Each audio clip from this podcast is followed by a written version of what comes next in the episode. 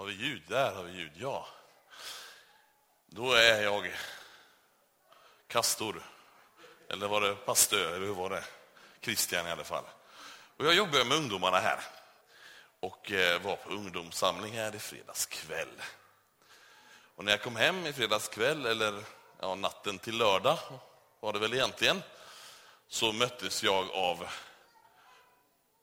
Ja, min dotter som var med, med i bilen sa när vi svängde in på, på uppfarten, åh!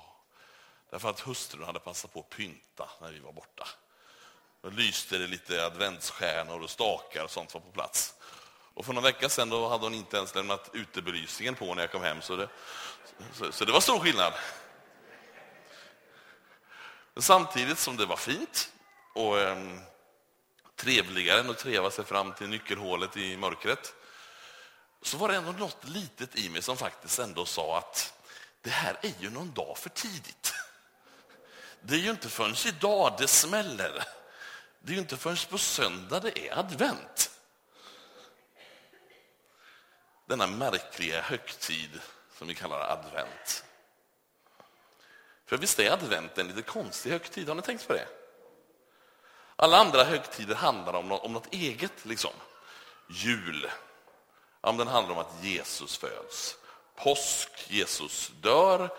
Eh, pingst, anden kommer. Fars dag, jag får Guinness rekordbok. Eh, de har som sina egna fastslagna, viktiga traditioner. så. Och sina egna festföremål, eller hur man ska uttrycka det. Men advent, den är på något sätt väntan på ankomsten av en annan högtid. Vi blickar fram mot jul. Vi väntar på att Jesus ska komma, att barnet ska födas, änglarna sjunga och herdarna glädjas mitt i smällkalla vintern. Glatt struntande då i den där lilla detaljen att forskarna är ganska överens ändå om att Jesus inte föddes då. För att även i Israel är det väl kallt för att vara ute med fåren om natten så här års.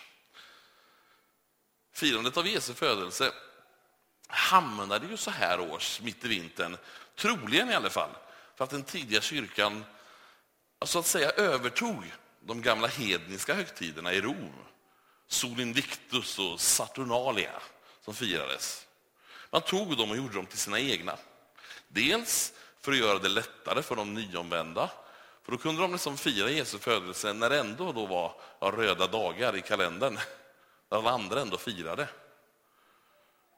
Men också för att kunna verkligen då överta dem, göra dem till sina egna, ersätta det med något annat för att de inte skulle falla tillbaka i tillbedjan av andra gudar. Och så låg det ju så symboliskt rätt i tiden.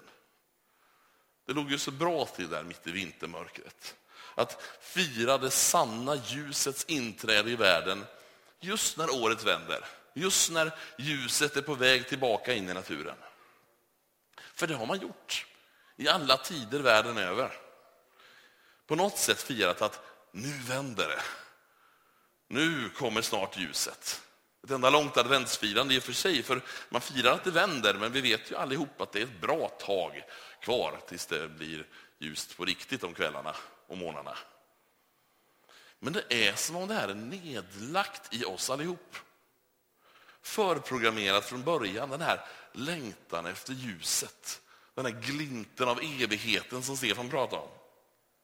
Eftersom man oavsett religion, och kultur och tid världen över på så många sätt och på så många platser har firat att ljuset kommer. Så när Jesaja, 700 år före Jesu födelse, skriver om ljus i mörkret så tror jag han rör vid något, något allmänmänskligt. Han talar om något som ett budskap till alla. Kapitel 9 från vers 2 och ur 17 års översättning, för den är så mycket vackrare. Det folk som vandrar i mörkret ska se ett stort ljus. Ja, över dem som bor i dödsskuggans dal ska ett ljus skina klart. Du ska göra folket talrikt. Du ska göra dess glädje stor. Inför dig ska de glädja sig så som man glädes under skördetiden, så som man fröjdar sig när man utskiftar byte.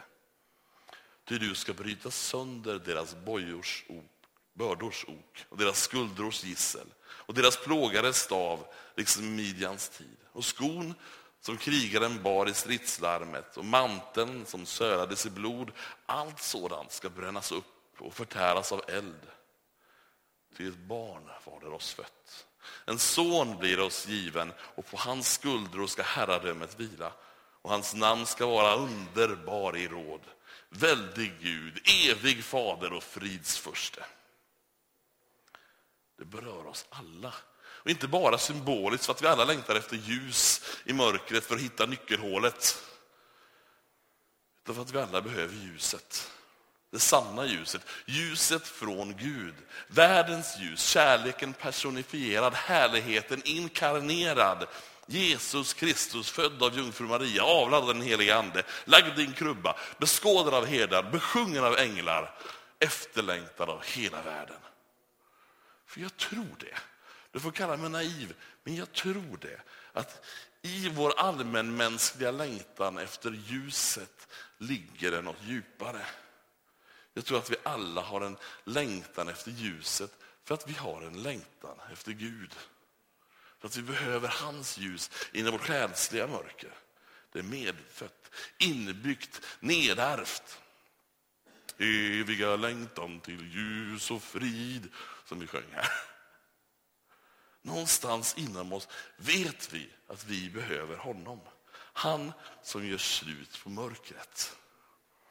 Som gör slut på bördornas ok, på förtryck och strid. Han som kommer med frid. Oavsett vad mörkret handlar om. Hur bokstavligt eller symboliskt det är, om det är en depression, om det är hopplöshet, konflikter, strider, sjukdom, arbetslöshet, utanförskap eller synd. Jesajas hälsning gäller. Versen innan det vi läste säger, natt skall ej förbli där nu ångest råder. Fantastiska ord. Natt skall ej förbli. Och det är min hälsning idag. Det är min och Jesajas hälsning till dig idag. Natt ska ej förbli. För vi firar att ljuset är på ingång, att frälsaren snart är här. Det finns hopp, det finns något mer och det finns räddning ur varje mörker. För den som tror, för den som vänder sig mot ljuset är det aldrig någonsin kört. Gud har inte lämnat oss. Mörkret har aldrig vunnit. Det kommer ljus och frid för ett barn är oss fött, en son är oss given och hans namn är underbar i råd. Väldig Gud, evig fader, Fridsfurste och han har redan kommit. Därför finns det ljus, därför finns det hopp. Därför kan du när varje liten ljus som glimmar i en gran eller i en ljusstake eller i ett fönster du kör förbi idag minnas att ljuset har kommit. Det är här. Det finns hopp även om det ser mörkt ut i ditt liv just idag. Och det är inbjudan idag också, är att komma till ljuset. Att få släppa in det för första eller för femtioelfte gången. Få komma till Gud och säga lys in i mitt mörker. Vi brukar ofta be en frälsningsbön tillsammans. Och idag har vi en adventsfrälsningsbön på temat ljus. Som du gärna får be med i. Vi ber den tillsammans, var och en som vill och kan. Oavsett om man känner att behovet är stort eller litet så är det lättare för den för vilken behovet är stort att be med. Det är en bön om att släppa in Gud och att få bli hans barn. Vi ber tillsammans. Evige far, du som är ljus, kom in i mitt mörker. Jag bekänner att jag ofta vänt mig bort, gått min egen väg och valt att stanna i mörkret. Men nu kommer jag till dig genom din son Jesus och ber dig, rädda mig ur mörkret. Ge mig ditt ljus och gör mig till din. Tack att jag nu får vara ditt barn, att jag får vandra i ditt ljus. Hjälp mig på vägen tills jag är hos dig i evighet. Amen.